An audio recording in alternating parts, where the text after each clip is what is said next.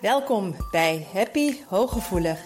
Mijn naam is Marian van der Werf en in deze podcast wil ik je inspireren om voluit van het leven te genieten.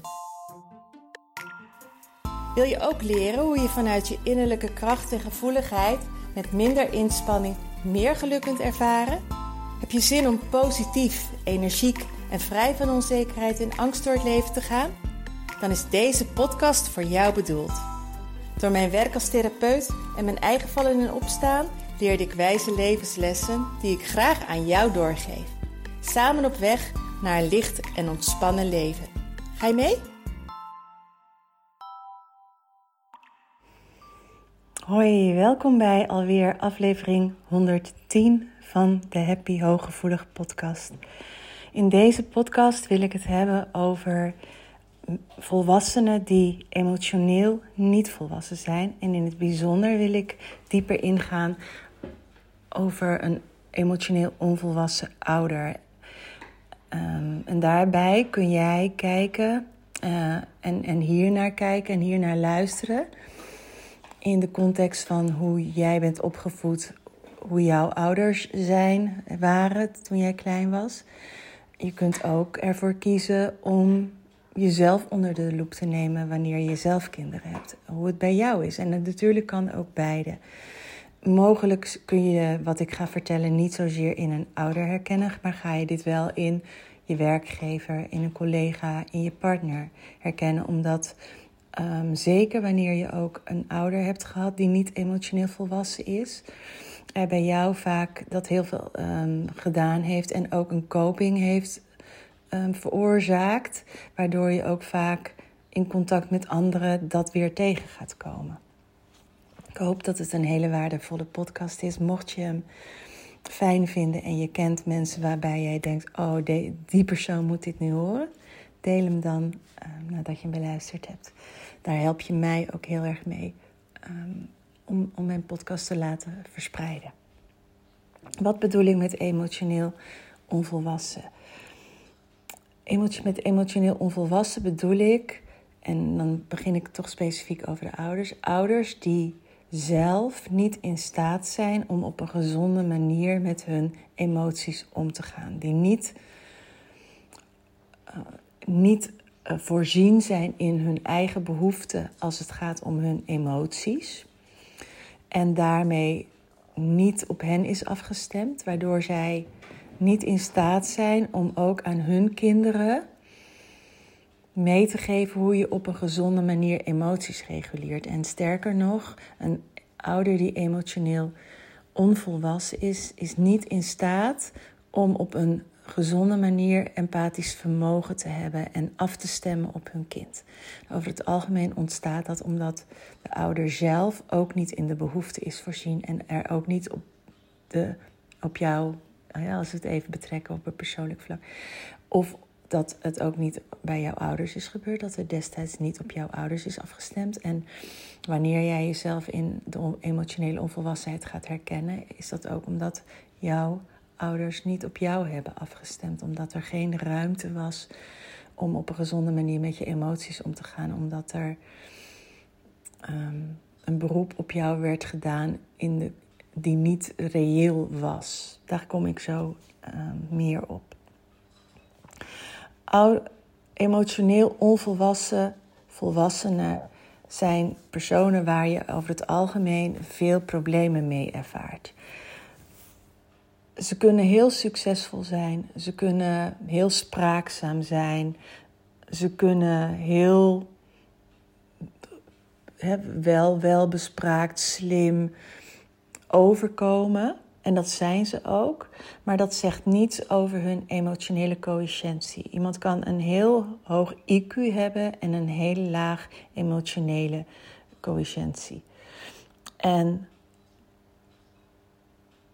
wat is nou het effect op een moment dat jij met zo'n persoon in specifiek te maken hebt gehad met een emotioneel onvolwassen ouder. Het grootste effect daarvan is dat jouw zelfbeeld vertekend is. Dat jij een zelfbeeld hebt gecreëerd dat jij niet goed genoeg bent. dat je niet waardevol bent. Omdat jouw ouders niet de sensitiviteit hebben gehad om het effect van hun gedrag te beseffen. Een voorbeeld daarvan is, ze zeggen wel sorry, maar ze hebben niet in de gaten hoeveel schade het bij jou aanricht. En die sorry is meer een ervan afkomen dan een voelbaar sorry. En vooral heel veel hooggevoelige personen die hebben dus enorm veel last in het dagelijks leven nog. En als ouders emotioneel niet volwassen zijn geweest. Want met jouw hooggevoeligheid lees je voortdurend je ouder af. Je voelt, je tast af, je observeert. Wat vindt mijn vader of moeder van mij? Doe ik het wel goed? Voelt mijn ouder zich wel goed? Word ik wel gezien en gehoord? Mag ik er wel zijn? Mag dit van mij er wel zijn? Is het wel oké als ik dat doe? Um, wordt mijn vader of moeder niet boos als ik dat doe? Ben ik niet schuldig aan als ze zich niet lekker voelen? Um, want, want een emotioneel onvolwassen ouder heeft over het algemeen een heel laag intolerantiegehalte. En, en een hoge, als, met je hooggevoeligheid voel je dat zo goed aan. En dan, en dan krijg je bijvoorbeeld van als ik me slecht voel, als ik me verdrietig voel, als ik geplaagd ben op school, dan kan ik maar beter niet naar mama gaan, want daar kan ze niet mee omgaan. Als ik uh, me slecht voel of als ik een probleem heb, kan ik daar beter maar niet mee naar mijn, mijn vader gaan. Want die heeft daar gelijk een oordeel over en die legt de schuld bij mij dat ik het maar anders moet doen. En ouders die vermoeid zijn, hè, sowieso als er stress is, als er vermoeidheid is, als een ouder problemen heeft, dan kun je minder hebben en dan kun je prikkelbaar reageren en dan kun je emotioneel minder goed reageren. Maar er is een heel groot verschil tussen een vermoeide ouder en een emotioneel onvolwassen ouder. De laatste is namelijk heel erg egocentrisch en het, alles is gericht op henzelf. Alles draait ten alle tijden uiteindelijk om hen. Dus een emotioneel onvolwassen ouder reageert heel primair zonder zich te verplaatsen in hun kind. Ze betrekken alles op zichzelf. Ehm, wat jij doet, ehm, daar maak je mij ongelukkig mee. Wat jij doet, daar heb ik last van. Als jij dat doet, heb ik stress. Dus de verantwoordelijkheid pakken ze niet. Ze vragen zich. Ze, ze bestraffen bij wijze van spreken het gedrag wat je doet. Ze hebben een oordeel over je gedrag, maar ze zijn niet in staat om zich af te vragen waar dat gedrag vandaan komt. Stel je voor dat jij een enorme woedeaanval hebt. Dan wordt die woedeaanval afgestraft of, of gecorrigeerd of um, uh, met de vinger gewezen, ja, maar jij, dat hoor jij niet te doen. Maar waarom jij zo reageert, wat daaronder zit, wat daaraan vooraf is gegaan bijvoorbeeld, of hoe het komt dat jij zo op scherp staat als kind. Hè, dat kan natuurlijk van alles al gebeurd zijn. Daar staan ze niet bij stil en ze zijn ook niet in staat om te reflecteren, om naar, om, om naar hun aandeel daarin te kijken en dan, dan wordt er gezegd: je bent onrespectvol, je verpest mijn leven, je hebt geen idee hoe hard ik werk en ik doe alles voor jou en dan krijg ik stank voor dank. Dus alles wordt gepersonaliseerd. En we, doen, we, zorgen voor jou en dan um, ben je altijd maar ondankbaar. Um, we hebben alleen maar last van je. Er is totaal geen zelfreflectie en verdediging is hun strategie. Een ander kenmerk uh, is dat um, op een moment dat er iets gebeurt, dat jij bijvoorbeeld huilt of dat je boos doet. En um, dan is de verbinding even weg. Hè? En, en een, ouder, een vermoeide ouder kan ook prikkelbaar reageren. Die kan ook zeggen: hou nou eens op met dat vervelende gedoe. En jij ook altijd. En stop daarmee, krijg hoofdpijn van je. Dat gebeurt ook bij een vermoeide, prikkelbare ouder. Een ouder die verdriet, pijn heeft. Alleen een ouder die emotioneel volwassen is, zal zo snel mogelijk de band met het kind herstellen. Die zal zo snel mogelijk weer naar het kind toe gaan en zeggen: Sorry, mama had dit niet mogen zeggen. Sorry, papa had niet zo lelijk tegen jou moeten doen. Want papa is moe of papa die was boos. Eigenlijk op zichzelf of op iemand anders. En nou ging papa boos doen naar jou. Maar het was niet jouw schuld. En een, een ouder die gezond emotioneel volwassen is, pakt de regie terug. Die pakt de verantwoordelijkheid terug. Die haalt schuld, schaamte, verantwoordelijkheid bij het kind weg. En een, een kind wat een, een emotioneel onvolwassen ouder heeft, die blijft de schuld krijgen. Stel je voor dat je ouder boos wordt en je gaat huilen. En een, een, een, een, gezonde emotionele ouder, die zal schrikken van oeh, nu ben ik over de schreef gegaan. Die zegt, ach meisje, ik had dat niet zo mogen zeggen. Of hey, jongen, kom, uh, mama, papa, papa had niet zo boos moeten doen. Of papa moet niet zo pushen dat je het goed doet. Kom maar gauw. Dan schrik je eigenlijk van de reactie van het kind en je gaat troosten. Je bent er voor het kind. Een emotioneel onvolwassen ouder blijft doorgaan, blijft doorgaan. Hou op met huilen. Ga je nou ook nog lopen janken? Geen krokodillentranen. Je hebt er zelf om gevraagd. Dan moet je niet gaan janken. Dan had je moeten luisteren. Het empathisch vermogen ontbreekt. Ze zijn niet in staat of niet bereid, maar eh, vanuit hun eigen tekort, vanuit hun eigen onwijs tekort, is er geen ruimte voor jou. Een normale volwassen ouder heeft brain control. En die beseft wat er bij het kind gebeurt, biedt excuus aan, maakt het goed en legt uit waarom de lelijk deed. En die herstelt zo snel mogelijk de relatie. Maar als jij nu bijvoorbeeld, als jij dus nu denkt van oeps, um, zo ging dat bij mij niet. Ik kreeg die schuld, dan heb je een verantwoordelijkheid op je schouders gekregen die way too much is. Dan ben je van je plek afgehaald en ben jij dus verantwoordelijk gesteld ten alle tijden voor het welbevinden van de ouder die niet voor zichzelf kan zorgen emotioneel. En op een moment dat je dan in een andere relatie bent, bijvoorbeeld met je werkgever, met een vriendin, met je partner, en er komt zo'n reactie waar jij de schuld krijgt of waar jij iets wordt toebedeeld, dan trek je die gelijk naar jou toe. En dat voelt enorm onveilig en bedreigend. En je voelt je dan gelijk schuldig. Ik heb ook echt cliënten die zeggen: Ik voel me altijd schuldig. Ga ik zo meteen nog wel iets meer over vertellen. En hierdoor ontstaan vaak ook toxische relaties een soort gelijke band als dat je met een van je ouders had. En dan zet zich dat door. Want je moet het zo zien, als, als een ouder nooit de band herstelt, als een ouder eh, bij wijze van spreken maar kan deponeren en tekeer kan gaan, dan heb jij geleerd om te gaan met grensoverschrijdend gedrag. En dan ben je bijna dat als normaal gaan zien. Ik ben niet oké, dus ik verdien dat grensoverschrijdende gedrag. Ik ben niet goed genoeg, dus het is terecht dat ze zo lelijk tegen me doen. Het is mijn schuld. En daar kom je mee in een ongezonde relatie.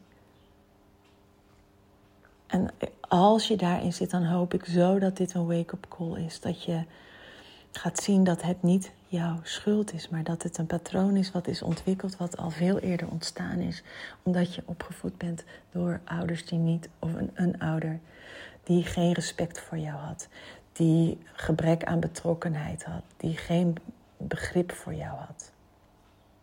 En dan ben je verantwoordelijk gesteld. Geparatificeerd noemen ze dat ook wel. Als over het algemeen zijn er ehm, twee types die daaruit voortkomen. Als jij dus die ouder hebt gekregen eh, en hebt gehad die niet volwassen was.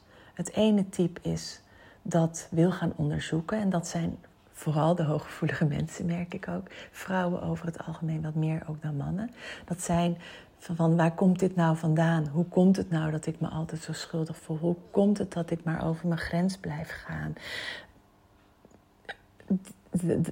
Je bent eigenlijk aan het overreflecteren. Je bent continu bij jezelf aan het kijken: wat gebeurt hier in deze relatie? Wat heb ik verkeerd gedaan? Als, als, als iemand een reactie geeft van. En, en er is, de verbinding is verstoord doordat er een discussie is. Is, is het eerste type waar ik het nu over heb, zal altijd de schuld bij zichzelf neerleggen. Maar dat zijn wel de personen, en dat zijn dus vaak hooggevoelige mensen, die willen onderzoeken, die willen weten waar dat vandaan komt, die er eigenlijk ook van af willen.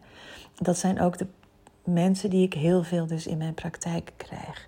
Het ander type, dat is de persoon die de rechter speelt. Die blijft hangen eigenlijk in, in het patroon wat de ouders hebben gedaan en die nemen dat over.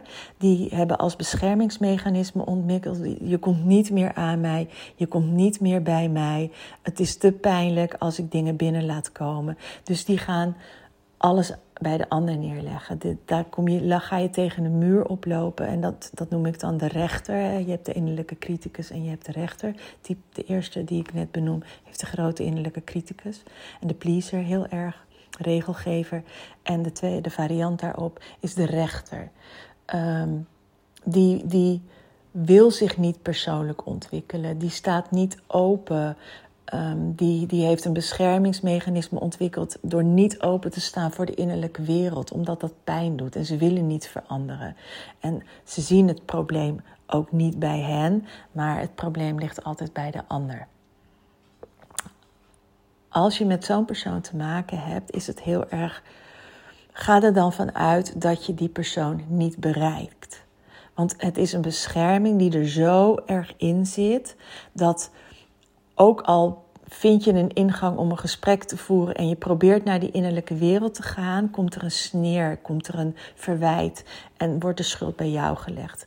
Ik heb het zelf uh, meegemaakt met, een, met een, mijn, mijn ex-partner. Um, die um, moet ik niet zeggen dat het extreem was hoor.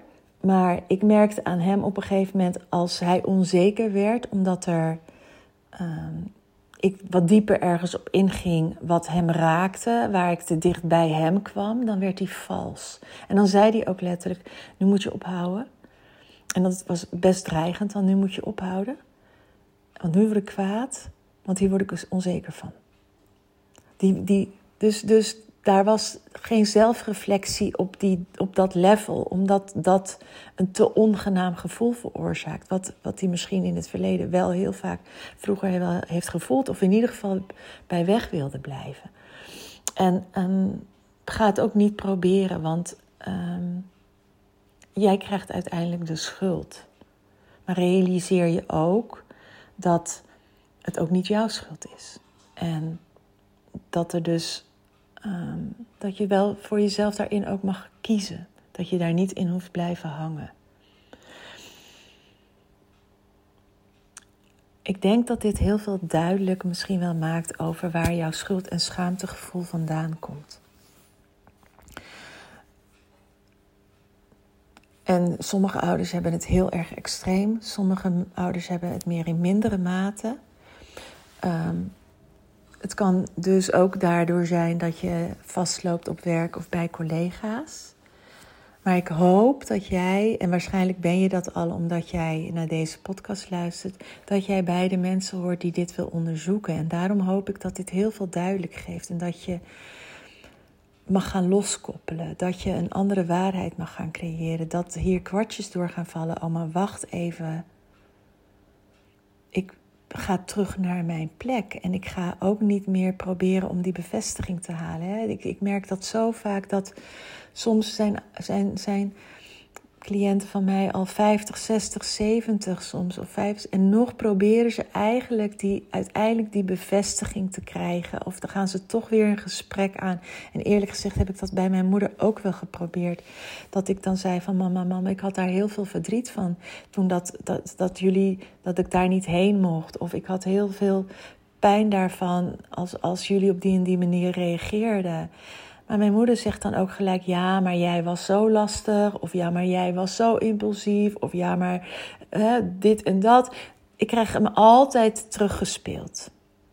Dus ik ben daar een jaar of, nou, wat is het, acht geleden mee gestopt. Toen ik dat zo doorkreeg. Dat ik dacht: van ja, maar zij mag zijn wie ze is. En het is haar waarheid. En wie ben ik om op die leeftijd nog zoveel onrust bij haar te gaan creëren waar ze toch niet mee kan? Gebeurd is gebeurd, alleen ik kies ervoor om hem niet meer langer aan te nemen. En ik kies ervoor om niet meer langer um, het gevoel van dat ik daar fout was nog mee te dragen. Ik zie het nu in de juiste context. En ja, dat, dat is een helingsproces geweest. Uh, maar ik hoef die bevestiging ook niet meer te hebben. Niet meer van vroeger. Niet meer de erkenning alsnog van wat er vroeger gebeurd is, maar ook niet op dit moment. Er zijn nu ook wel dingen waar ik dan, ja, maar jij. En dan denk ik van ja, ik ja, punt. Maar ik neem hem niet meer aan. En ik voel me niet meer de schuldige. Soms vloept dat erin, hè? dat is zo'n ploep.